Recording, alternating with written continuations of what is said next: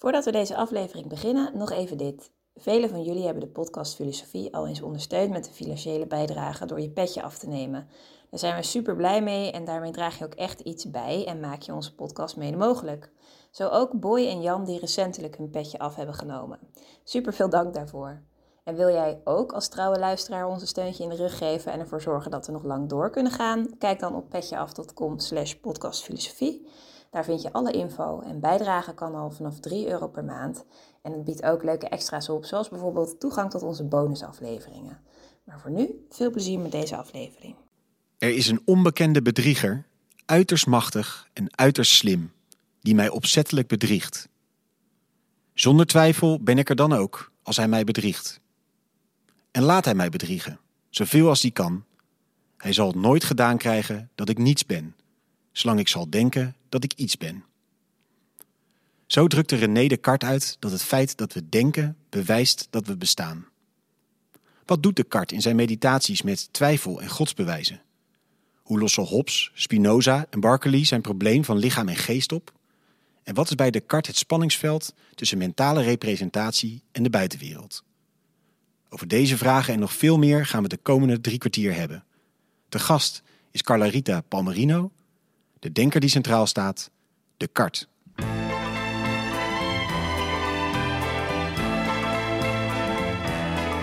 vers les docks où le poids et l'ennui me le dos. Dag, goed dat je weer luistert naar een nieuwe aflevering van de podcast Filosofie van het Centre Erasme, School voor Filosofie in Zuid-Frankrijk, Vlaanderen en Nederland.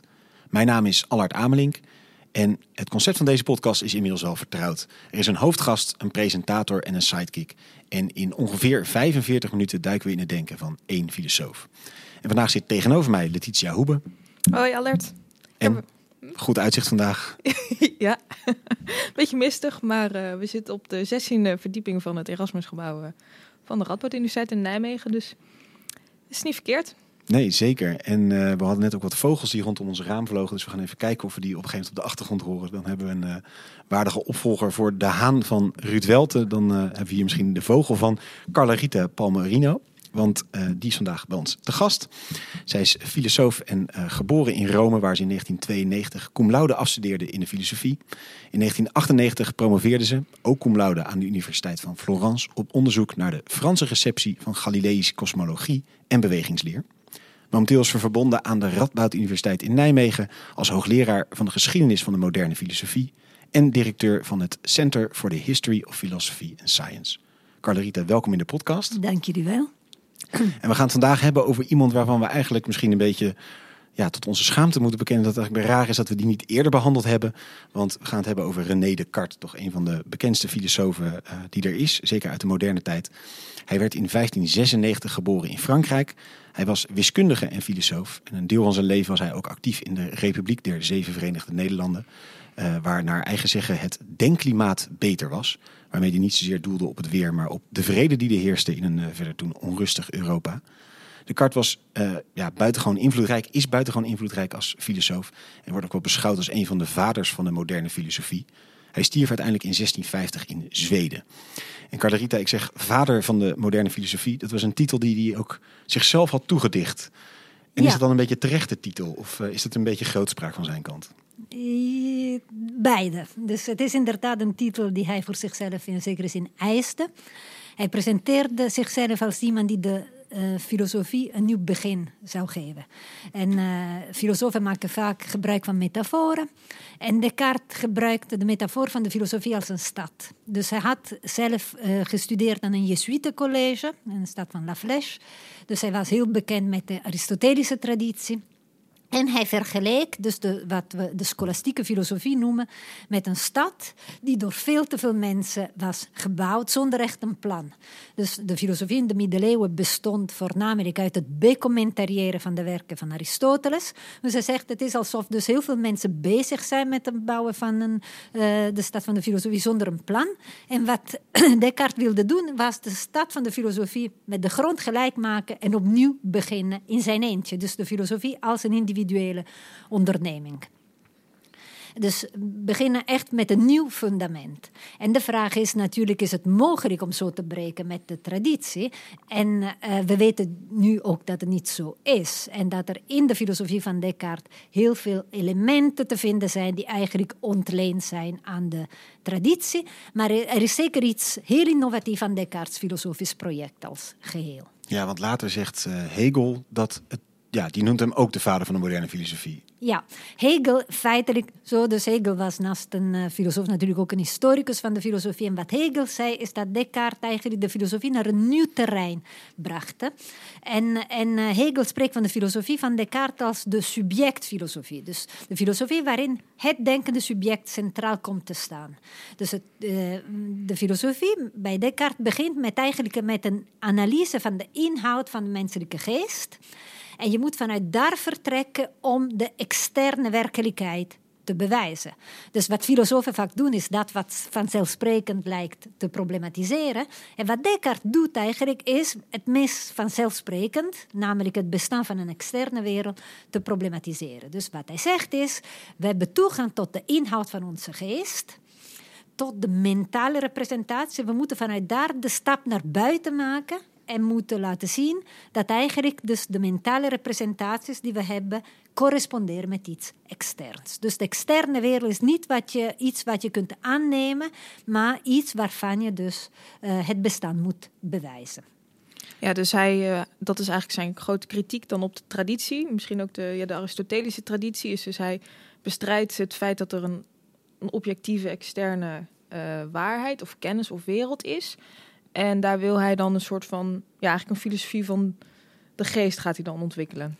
Ja. Omdat dat daarin ontbreekt. Ja, dus wat het is, zeker. Dus want eigenlijk was de filosofie van Aristoteles ook in oorsprong een empiristische filosofie. Dus het idee dat er niks is in het intellect dat niet eerder in de zintuigen is geweest. En Descartes was een rationalist.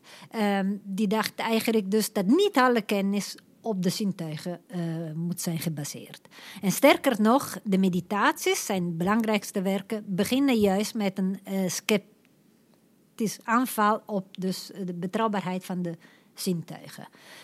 Um, wat ik ook daarbij wil zeggen is dat, uh, dus zoals gezegd, Descartes had dus aan een Jesuitencollege gestudeerd. Um, de corpus, dus het Aristotelische corpus, uh, dus het verzameling van werken van Aristoteles was natuurlijk omvangrijk. En uh, Aristoteles had over alle onderwerpen eigenlijk geschreven. Dus het corpus van, Aris, van, de Aristotelische filosofie was de basis geworden van het universitaire curriculum. Dat was ook de kracht van Aristoteles. Dus hij heeft werk over metafysica, fysica, kosmologie, psychologie, biologie um, geschreven.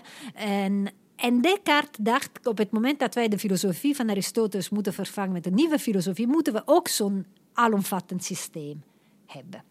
Dus Descartes zag de filosofie, daar weer een tweede metafoor, als een boom. En hij zegt dus de wortels zijn de metafysica. De stam is de natuurfilosofie, de fysica. En de takken zijn alle uh, andere uh, natuurwetenschappen.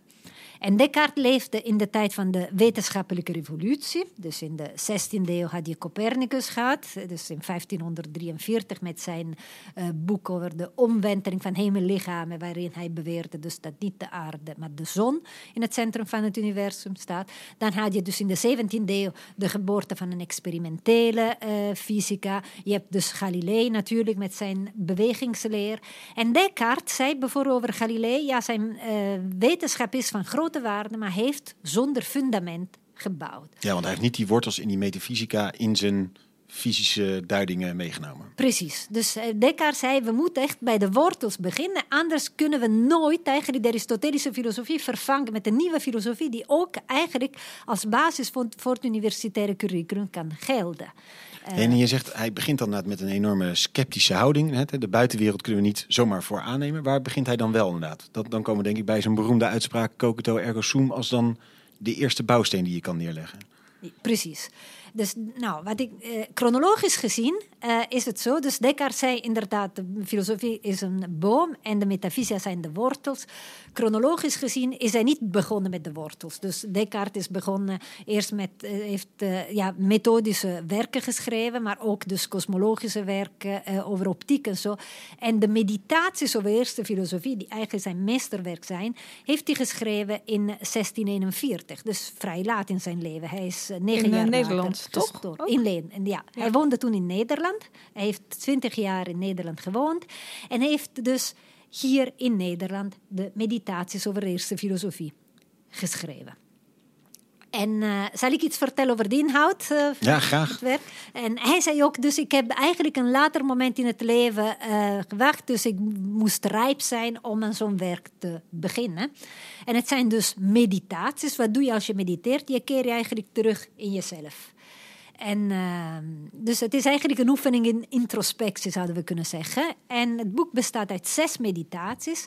En de eerste meditatie bevat het heel beroemde uh, sorry, uh, twijfelexperiment.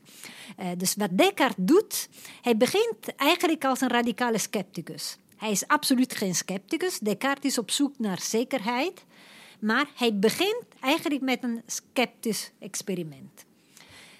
Hij, gaat, hij zegt, we moeten alles wat maar een heel klein element van onzekerheid bevat, moeten we voorlopig als onwaar beschouwen. En dan zegt hij om te beginnen, dus de zintuigen uh, zijn niet te vertrouwen. Want we weten allemaal dat we ons soms vergissen. Van dingen, bijvoorbeeld als we kijken naar dingen die veraf zijn en zo. Dus hij begint met voorbeelden van gezichtsbedrog en zegt, de zintuigen kunnen we niet vertrouwen. Dan zegt hij, oké, okay, maar uh, ook uh, zijn de zintuigen niet helemaal te vertrouwen. Dan weet ik bijvoorbeeld nu dat ik hier ben met jullie. Dat ik wakker ben en dat ik dus dat er een externe werkelijkheid is. En dan zegt hij, ja, maar wacht even. Wat als ik nu aan het dromen ben? Hoe weet ik zeker dat dit eigenlijk de werkelijkheid is en niet een droom? Wat zijn de elementen die ik heb om een droomtoestand van een waaktoestand te onderscheiden? En dan zegt hij, oké, okay, maar ook als ik droom, is het feit dat 2 en 2 is 4, blijft ook waar, ook als ik droom. En dan zeg je, maar wacht even, is dat echt zo? En dan introduceert een heel beroemd gedachte-experiment van dus de kwade geest. Wat als er een kwade geest is, uiterst slim en uiterst machtig, die mij bedriegt? Als het zo is, dan zou uh, die geest ook ervoor zorgen dat ik denk dat 2 en 2 4 is, terwijl het misschien 5 is. Dus aan het einde van de eerste meditatie weet Descartes niks. En dan komt de tweede meditatie en dat is het beroemde cogito-argument, waarin hij zegt, maar ook weet ik niks met zekerheid, ook twijfel ik aan alles. Als ik twijfel, dan denk ik. En als ik denk, ben ik. En dit is dus het cogito-argument. En dan zegt Descartes, ja, maar wat weet ik nu? Ik weet dat ik ben als denkend ding. Dus het enige wat Descartes hier weet in de tweede meditatie is dat hij bestaat als een denkend ding. Hij weet nog niet of hij een lichaam heeft en hij weet nog niet of er een externe wereld bestaat. En eigenlijk is dit allemaal het afbraakproces van die stad die je aan het begin noemt eigenlijk. Alles ruimt hij al die rommel op, zeg maar. En blijft dus met een soort leeg speelveld over, waar dit dan het enige is wat hij nog heeft. Heel goed. Dus die metafoor van de stad gebruikt hij niet in de meditatie en discours de la méthode, maar in de meditaties begint hij door te zeggen: wat ik wil doen is uh, afstand nemen van al de vooroordelen van mijn jeugd, van mijn opvoeding. En daarbij is ook dus zijn opvoeding en uh, zijn uh, kennis van de Aristotelische ja. filosofie inbegrepen, inderdaad. Dus daar gebruikt hij een andere metafoor en zo. Maar het punt is, hij wil ja, inderdaad afstand doen van al die vooroordelen en opnieuw beginnen. Dus het punt is, in de tweede meditatie uh, zijn we in een uh, solipsistische sfeer. Solipsisme is de opvatting ik alleen besta. En hoe kan Descartes aan solipsisme ontsnappen? Daarvoor heeft hij iets nodig, namelijk een godsbewijs. Want de hypothese dat er misschien een kwade geest is die hem bedriegt, staat nog. Dus wat hij nodig heeft, is een bewijs dat God bestaat. En als God bestaat, dan is God goed en God bedriegt Descartes niet. Dan komt er dus in de derde meditatie een Godbewijs. En uh, dan probeert Descartes uit te leggen hoe het komt dat we toch, ondanks het feit dat God bestaat, dat God goed is en dat God ons heeft geschapen, niet wil bedriegen, dat we ons toch soms vergissen. En dan uh, in de zesde meditatie pas, dan komt in de vijfde meditatie nog een, weer een godsbewijs. En in de zesde meditatie gaat Descartes uiteindelijk bewijzen dat er een buitenwereld bestaat en dat hij ook een lichaam heeft. Dus in de zesde meditatie concludeert Descartes eigenlijk dat hij bestaat uit een ziel, immateriële ziel en een materieel lichaam. En de immateriële ziel heeft als attribuut, fundamenteel attribuut, het denken. En het materiële lichaam heeft als fundamenteel attribuut uitgebreidheid. Lichamen nemen plaats in. En dan moeten zich afvragen, want kijk, in de tweede meditatie heeft Descartes geconcludeerd dat hij een geest is. En in zijn geest vindt hij ideeën van externe dingen. Met ideeën eh, bedoelt hij echt beelden, mentale representatie van de externe objecten. En de vraag die hij stelt, dus in de zesde meditatie zegt, kijk, God bedriegt me niet. Die ideeën van externe dingen komen in mij op, onafhankelijk van mijn wil. Dus ik kan nu niet uh, voor jullie zitten met mijn ogen open en ervoor kiezen om jullie niet te zien. Stel dat ik nu pijn voel. Ik kan niet ervoor kiezen om die pijn niet te voelen. Dus die ideeën komen in mij op, onafhankelijk van mijn wil. Dus ik heb ze niet verzonnen. Dus ze hebben een externe bron. En dus God zou me niet de illusie geven dat er een externe wereld is, als het niet zo zou zijn. Dus er moet een externe wereld zijn die de bron is van mijn mentale representaties. Wat Descartes goed hier gecompliceerder maakt, is het feit dat hij denkt eigenlijk dat de wereld op zichzelf niet volledig lijkt op onze mentale representaties. Dus we nemen objecten waar in geuren en kleuren, maar de wereld op zichzelf bestaat alleen uit deeltjes van materie, zonder kleur, zonder smaak, zonder geur, in beweging. En die, de, wij ontvangen die, we krijgen die prikkels binnen en dan passen we zeg maar kleur en geur en, en zulke dingen toe. Dus dat zijn dingen in ons hoofd zeg maar, die we eraan toevoegen. Heel goed. Dus die zijn gewoon, eigenlijk, eh, die zijn wat de hedendaagse filosofen qualia noemen. Ze bestaan alleen in ons bewustzijn. En op zo'n manier is Descartes ook een vertegenwoordiger van de zogenaamde mechanical philosophy uit dus de uh, eh, 17e eeuw, de vroegmoderne tijd. En mechanical philosophy probeert inderdaad de werkelijkheid te reduceren tot, wat ik zei, dus materie en beweging. En uh, een voorbeeld dat wordt gebruikt, niet door Descartes zelf, maar door andere uh, mechanical philosophers. Ze zeggen bijvoorbeeld, ja, dingen zijn op zichzelf niet zoet of zuur. maar ze bestaan uit atomen, deeltjes van materie. En bijvoorbeeld suiker bestaat uit uh, ronde atomen die op mijn tong rollen en die dan een gevoel van zoetheid veroorzaken. En citroen misschien uit scherpe atomen die mijn tong prikken en een gevoel van ja, een zuur uh, smaak veroorzaken. Maar die dingen zitten alleen in ons hoofd, in ons bewustzijn. En, en waarom uh, denkt de kart dat, zeg maar? Waarom wil hij dat toch daar een soort, dat, dat intern houden, zeg maar, die laatste slag? Heeft hij daar een belangrijke reden voor? Of een... Ja, dus misschien is de belangrijke reden dat ze weer afstand willen doen van het Aristotelische wereldbeeld, uh, waarin dus kwaliteit reëel zijn en waarin dus er is. Uh, de werkelijkheid wordt gezien dus als eh, bestaande uit substanties met verschillende attributen. En dan zijn er dus een heel ingewikkeld um, begrippenkader waarin je iets hebt dat substantial form heet, de substantiële vormen, met attributen komen gaan. En zij willen dus de werkelijkheid uh, eenvoudiger maken en mathematiseren. Dus ze willen eigenlijk afstand doen van een kwalitatief wereldbeeld en kiezen voor een kwantitatief wereldbeeld. Dus wat ze willen behouden zijn al die eigenschappen die meetbaar zijn, die meetkundig zijn. En uh, daarbij gebruikt eigenlijk Locke een onderscheid tussen primary en secondary qualities. Descartes gebruikt die termen niet, maar het is precies hetzelfde gedachte. Dus de primary qualities zijn de reële eigenschappen en die zijn meetbaar. Aantal, figuur, beweging, alle dingen die je kunt kwantificeren. En alle eigenschappen die kwalitatief zijn, bestaan alleen in ons bewustzijn. En daarbij wordt ook gezegd, kijk, een kleur kun je alleen zien. Smaak kun je alleen proeven. Een vorm kun je tegelijkertijd zien, maar ook aanraken. Dus alle kwaliteiten die je met meer dan één zintuig kunt waarnemen, zijn reëel. Alle kwaliteiten die alleen aan één zintuig gekoppeld zijn, zijn subjectief. Ze zeggen iets over de manier waarop externe lichamen op onze zintuigen inwerken. Maar zou je dan kunnen zeggen dat um, externe voorwerpen die dus met meer dan twee of meer zintuigen kunnen worden waargenomen of gevoeld. Ehm, weet ik daarvan dan wel, wel zeker dat ze bestaan? Als je dit koppelt dus aan de radicale twijfel van ik weet niks zeker van wat er buiten mij is?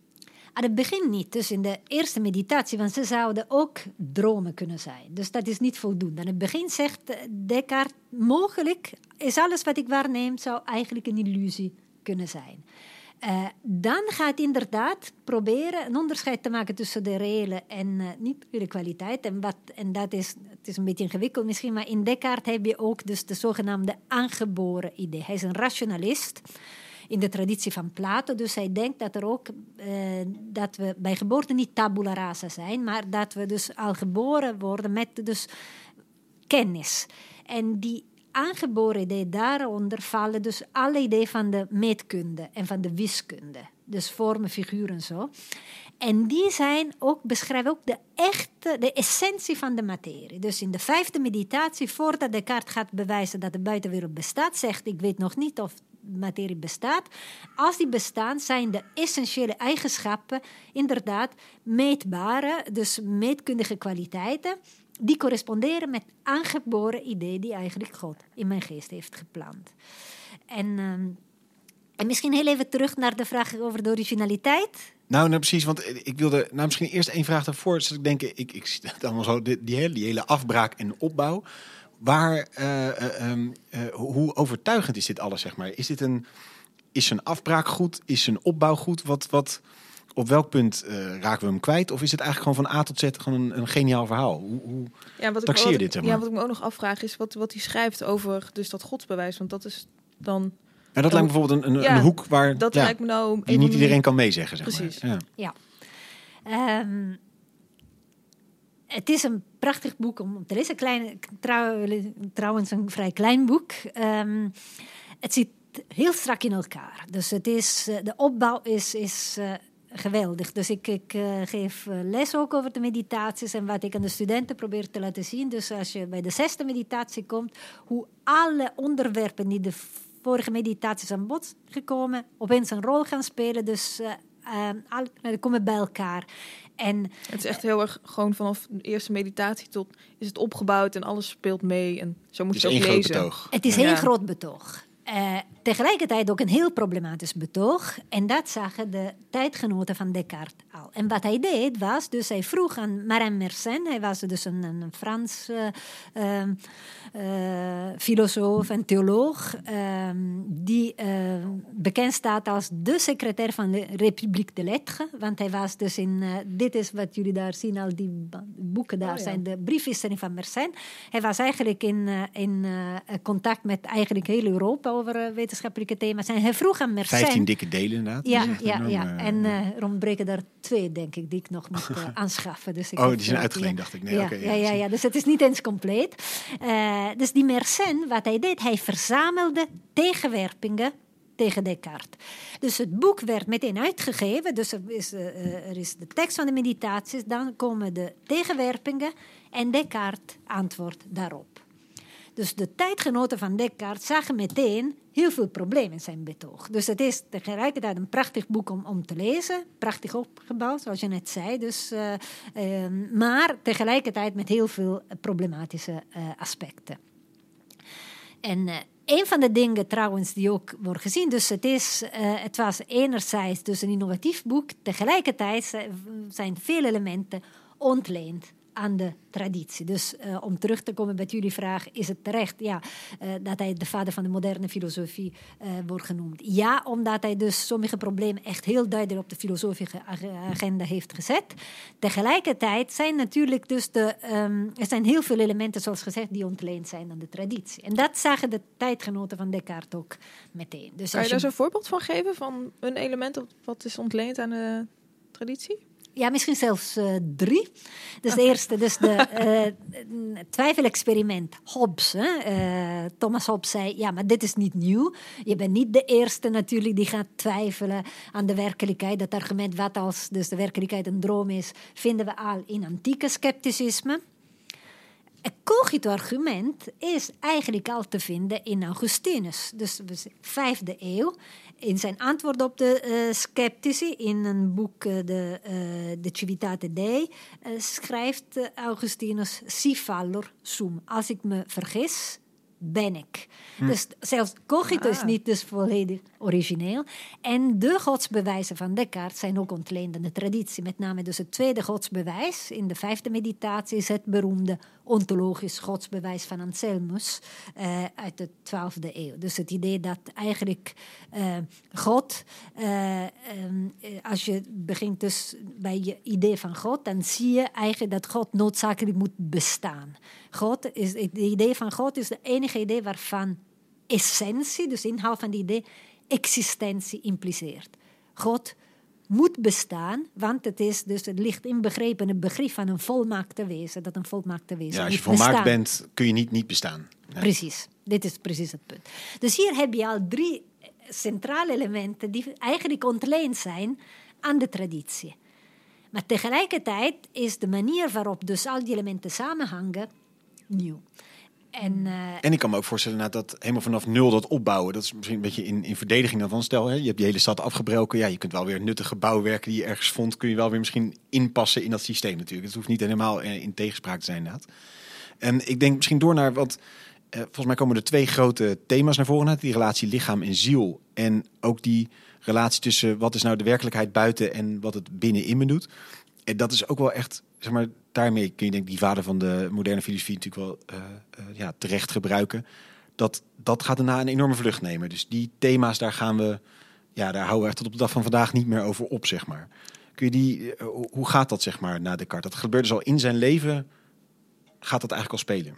Ja, het begint al in zijn leven. heeft natuurlijk de meeste discussies niet meegemaakt. Maar ja, dat, is, dat begint al in zijn leven. Dus zoals je terecht zei, dus er zijn twee problemen. Lichaam-ziel-relatie en relatie tussen uh, de inhoud van mijn geest, de mentale representaties en de buitenwereld.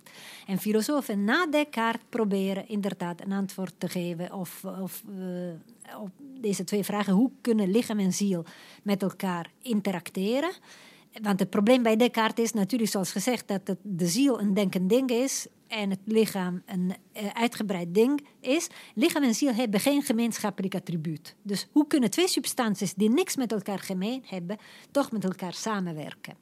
En het tweede is de relatie dus, uh, tussen mentale representaties en de externe wereld. En deze twee problemen werden door alle filosofen na Descartes eigenlijk behandeld. En, uh, en ik begin even misschien bij het dualisme van Descartes, lichaam-ziel. Descartes was trouwens niet de eerste dualist in de geschiedenis. Ook dus daar weer niet. Nu, ook daar weer niet. Er zijn, dat heb ik nu net niet genoemd, maar heel veel Platoonse elementen natuurlijk in zijn filosofie. Plato was ook een, een dualist. Ja. Uh, maar dus Descartes uh, formuleert dus het probleem in een, echt een heel expliciete manier. En dan heb je drie mogelijkheden uh, eigenlijk als je wil proberen om het uh, lichaam-ziel, um, de interactie tussen lichaam en ziel te verklaren. Oplossing 1 is dat je zegt, er zijn geen twee substanties, er is maar één substantie, namelijk het lichaam.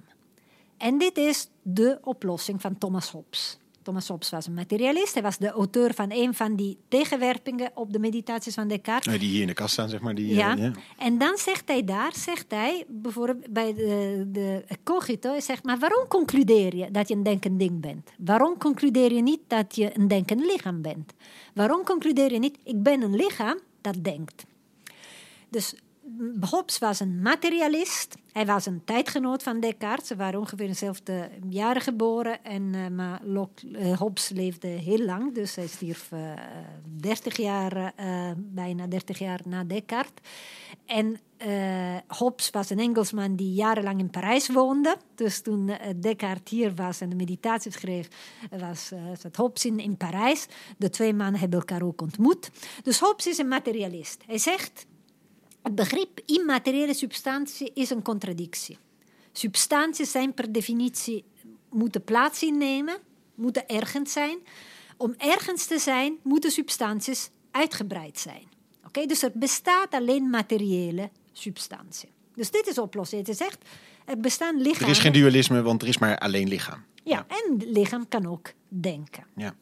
En dan reduceert Hobbes ook het denken tot dus beweging van materiële deeltjes. Dus er is niet zoiets als een ziel of een geest. Ja. De vraag is natuurlijk, is er een, een eh, God? En Hobbes moet zeggen dat het zo Ja. eh, is. Eh, of hij daarin echt geloofde. eh, Ja, jij bent net een beetje een crypto-atheïst, zei je Ja. van tevoren. Ja, ja. Eh, dus dit is oplossing 1. Oplossing 2 is dat je zegt, eh, ja, er is maar één substantie, klopt, maar dat is niet de materie, maar juist het denken. En dit is Berkeley. Berkeley was een, een idealist. Dus Berkeley, Engelse filosoof. een Engelse filosoof, ja. en hij leefde wel eh een eeuw later. Dus hij werd bijna 100 jaar na Descartes eh, geboren. Eh, ja, dus aan het einde van de 17e eeuw. En hij stierf rond eh, 1750. Ehm, dus Berkeley is een idealist. Wat hij zegt is, de werkelijkheid, er bestaan alleen geesten en ideeën. Eh, dus er bestaat volgens, in de wereld van Berkeley bestaat er een God. En dan bestaan er created minds, dat zijn wij. En minds hebben ideeën en ideeën zijn immaterieel. Dus daarbij lost Dek, eh, Berkeley twee problemen op. De interactie tussen lichaam en ziel, want er is geen lichaam. Maar ook het probleem van de, interact- van de ehm, gelijkenis of niet-gelijkenis tussen onze mentale representaties en de externe wereld. Want er is alleen mentale representatie. Ja. Precies. Hij zegt, een idea can be like nothing but an idea. Dus hij zegt, het is heel problematisch. Hoe kun je afvragen of een idee dat per definitie immaterieel is, lijkt op iets eh, materieels. Ideeën kunnen niet lijken op iets wat materieel is. En bovendien zegt hij, en dit is een heel goed eh, eh, punt wat Berkeley maakt, hij vindt dat Descartes en ook Locke, dit in het opzicht Descartes volgen, dat ze zich tegenspreken. Want de filosofie van Descartes en Locke wordt beschreven als een indirect realisme. Ze zijn realisten, dus de werkelijkheid bestaat. Maar zoals gezegd, we krijgen geen rechtstreekse toegang tot de werkelijkheid, maar eh, onze toegang is bemiddeld door onze ideeën. Wat Berkeley zegt is, maar hoe kun je weten of je ideeën echt op de werkelijkheid lijken? Als je gewoon toegang hebt tot je eigen, de inhoud van je geest, hoe kun je je mentale representaties vergelijken met de externe wereld? Je zou eigenlijk een derde persoons perspectief moeten innemen. Uit je eigen geest stappen en dan de beelden vergelijken met de werkelijkheid. Dus hij zegt, hoe weten jullie bijvoorbeeld dat vorm, aantal, reële eigenschappen zijn en kleur, geur en smaak niet? En dat klinkt wel weer een beetje als het, eh, als het twijfel-experiment van eh, Descartes zelf. Ja, alleen is Berkeley juist een antiscepticus. Dus je zegt, hij zegt precies dit, het is heel gevaarlijk. Op het moment dat je met twijfel begint, dan blijf je daar hangen. En scepticisme leidt tot atheïsme. Berkeley was een bishop, dus hij wil scepticisme bestrijden, atheïsme bestrijden. Dus hij zegt niet, ik weet niet of materie bestaat. Hij zegt, de materie bestaat niet, punt. Hij denkt dat hij dat kan bewijzen. Er bestaat een God, er bestaan geesten en er bestaan ideeën.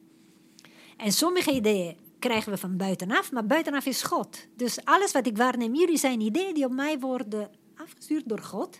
En dan zijn er ideeën natuurlijk die ik zelf maak als ik fantaseer over de werkelijkheid. Dus Berkeley ontkent het bestaan van een externe werkelijkheid. ja, dus we hebben nu een beetje hè, die lichaam-ziel-dualiteit. Je kunt ofwel zeggen het is allemaal lichaam of het is allemaal ziel. Ja, En wat is de derde Dat is een variant? tussenweg. Ja, dan heb je nog een, binnen dat monisme heb je ook een derde voorbeeld. Je hebt Spinoza, die zegt er bestaat maar één substantie en dit is God.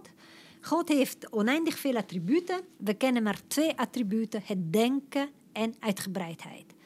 En daarbij zijn er modi, die zijn dus individuele ehm, eh, vormen van die attributen, uitdrukking van die attributen. Eh, dus eigenlijk zijn eh, denken en uitgebreidheid twee kanten van hetzelfde. Dus twee attributen van God. Dus er bestaat maar één substantie, God, En en, dus geen dualiteit. Nee. ook geen dualisme. Over Spinoza hebben we natuurlijk een, eh, een aflevering gemaakt met Maarten van Buren. Dus die kun je zeker daarover terugluisteren als je daar meer over wil weten. Eh Ber- Barkley en Hobbes, daar gaan we sowieso duidelijk eh, vervolgafleveringen over maken. Om eh, te voorkomen dat we daar nu inderdaad ook die allemaal helemaal gaan behandelen.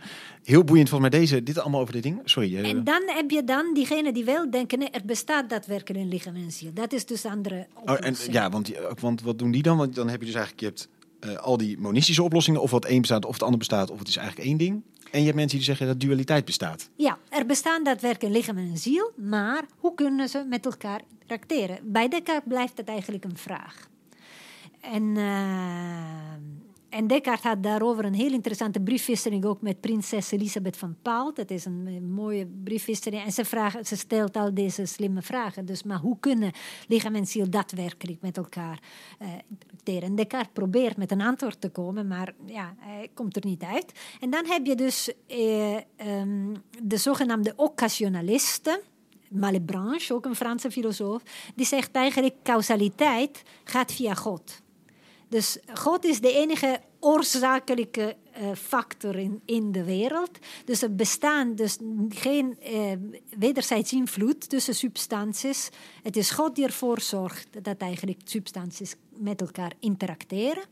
Of heb je een andere oplossing van Leibniz, een Duitse uh, filosoof, ook die werd geboren rond middel van de 17e eeuw. En um, en Leibniz heeft een zogenaamde theorie van de vooropgezette harmonie, harmonie préétablie, waarin lichaam en ziel zijn, zoals, dus zijn door God geschapen. En er is geen echte communicatie tussen de twee. Het zijn zoals twee klokken die gelijk die gesynchroniseerd zijn en die parallel lopen. Dus God zorgt ervoor, vanaf het begin heeft de klokken zo geprogrammeerd dat dat wat mijn ziel denkt correspondeert met dat wat mijn lichaam doet.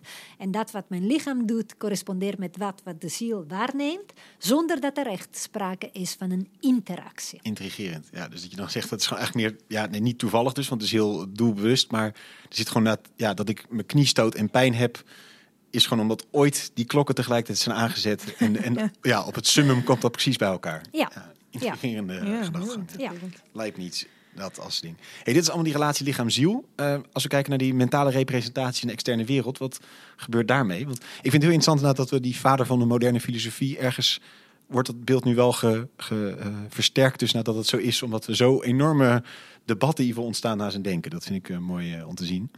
Uh, mentale representatie externe wereld, geldt daar zo'nzelfde soort receptiegeschiedenis voor dat er allerlei oplossingen voor zijn? Ja, precies. Uh, ook daar.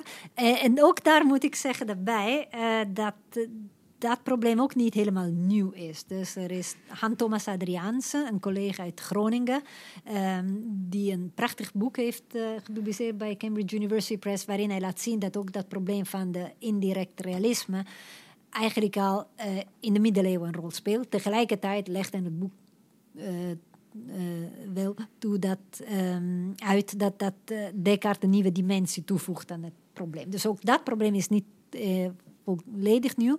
Maar dit is weer een vraag die na Descartes centraal op de agenda komt te staan. Dus bij Barclay heb ik het al gezegd, het is zo opgelost. Hij zegt, er bestaan alleen mentale representaties. Er bestaat geen werkelijkheid.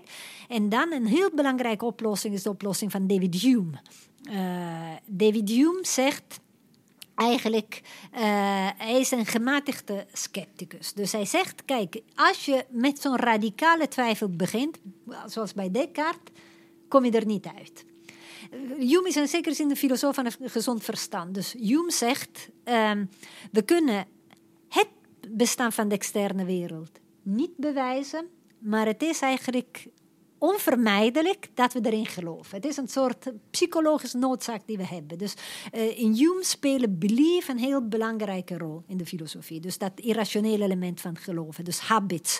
Het feit dat we gewend zijn om dingen zo te ervaren, dat we gaan geloven dat het zo is. Dat als je met de ene bal een andere bal kaatst, dan weten we verwachten we dat dat gaat gebeuren. Ja, precies. En het is, dat is ja. oorzakelijkheid. Dus we zien dingen ja. steeds zo gebeuren en dat we gaan geloven dat er een kausaal verband is, maar die kausaal verband kunnen we niet waarnemen. We kunnen nooit causaliteit aan het werk zien. We zien alleen dingen die een en de andere gebeuren en we zien dat dat telkens zo is. En dan ontwikkelen we een soort verwachtingspatroon. En we verwachten dan dat de toekomst zo zal zijn het verleden. Dus, en, uh, dus Hume is een gematigde scepticus. Ja, een beetje pragmatisch eigenlijk haast. Van joh, ja, nou goed, daar kunnen we heel lang over hebben, maar laten we wel wezen, dit gaat gewoon gebeuren. Ja. ja. Ja, dus hij zegt, we kunnen, ik kan geen bewijs uh, geven van het bestaan van een externe wereld. Maar we geloven in het bestaan van de externe wereld. En dat is ook gezond dat we dat doen, want mochten we zo radicaal twijfelen dat we stoppen met eten en drinken, dan gaan we dood. Dus dat is dus het gezond verstand dat ons ook in leven ja. houdt.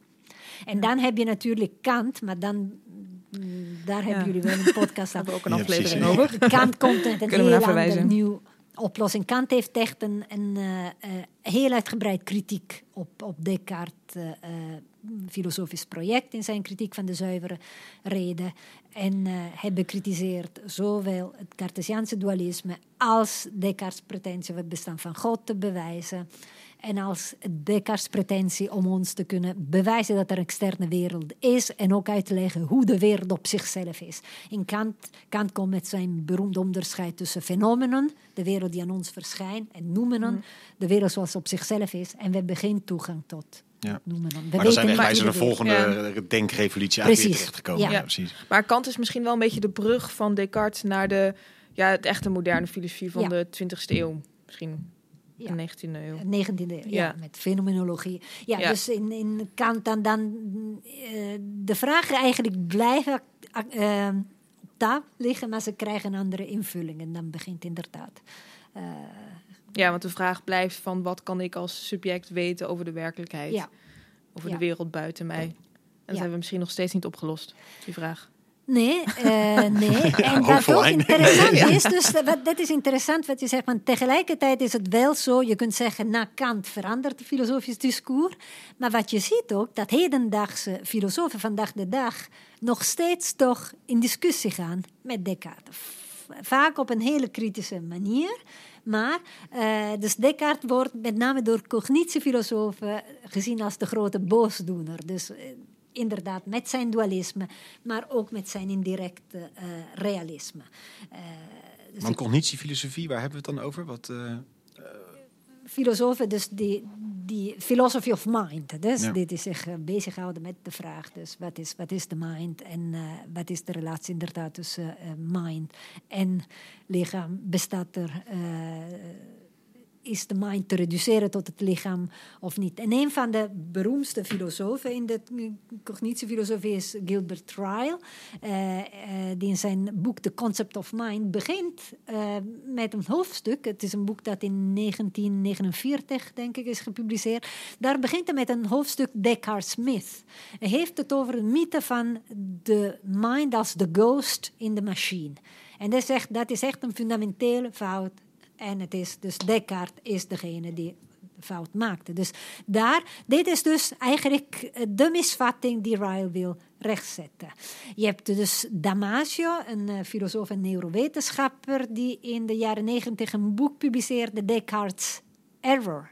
En Descartes' fout was het feit dat hij dus eigenlijk het lichamelijk eh, onderscheiden wilde houden van, het, van de rationaliteit. En Damasio zegt inderdaad, de twee dingen zijn veel sterk met elkaar verbonden eigenlijk. Dus het denken is verankerd, hè, is embodied denken.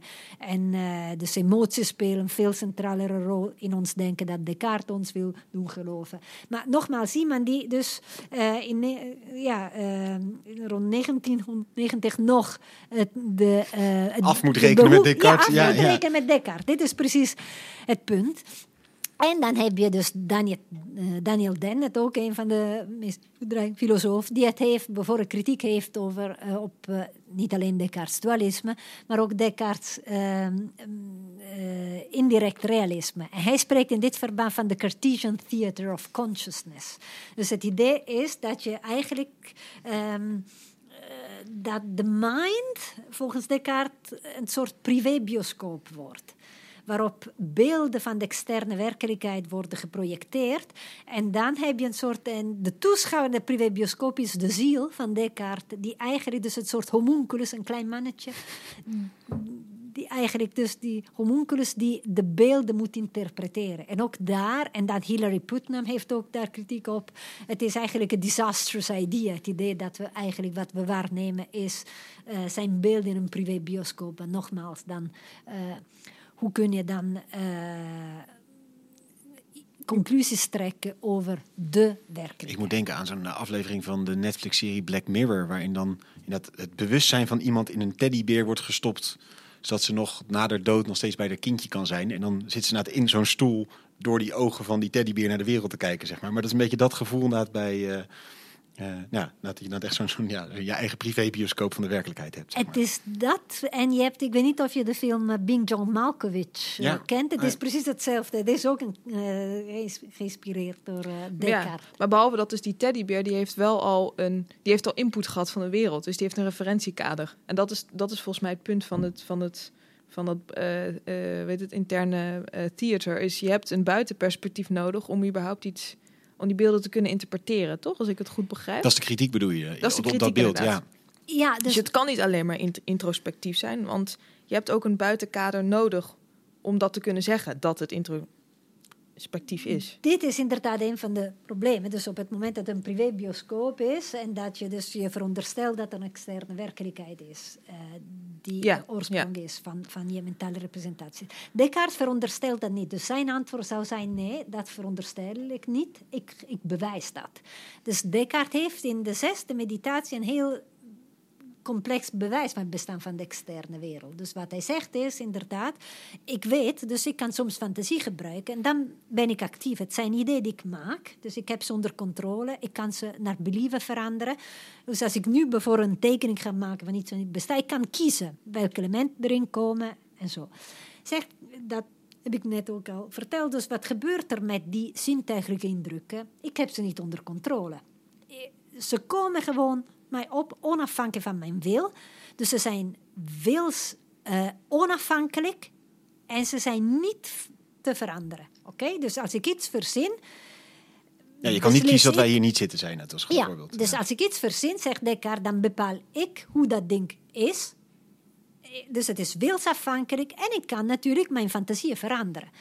Met het idee van externe dingen, ze komen mij op onafhankelijk van mijn wil en ik kan ze niet veranderen. Dus dat is voor hem een aanwijzing dat hij niet de auteur is van die idee. Dan zegt hij, wat zijn dan de andere opties? Er zijn twee opties. Of maak ik ze zelf? Nee, niet, want nogmaals, ik heb ze niet onder controle.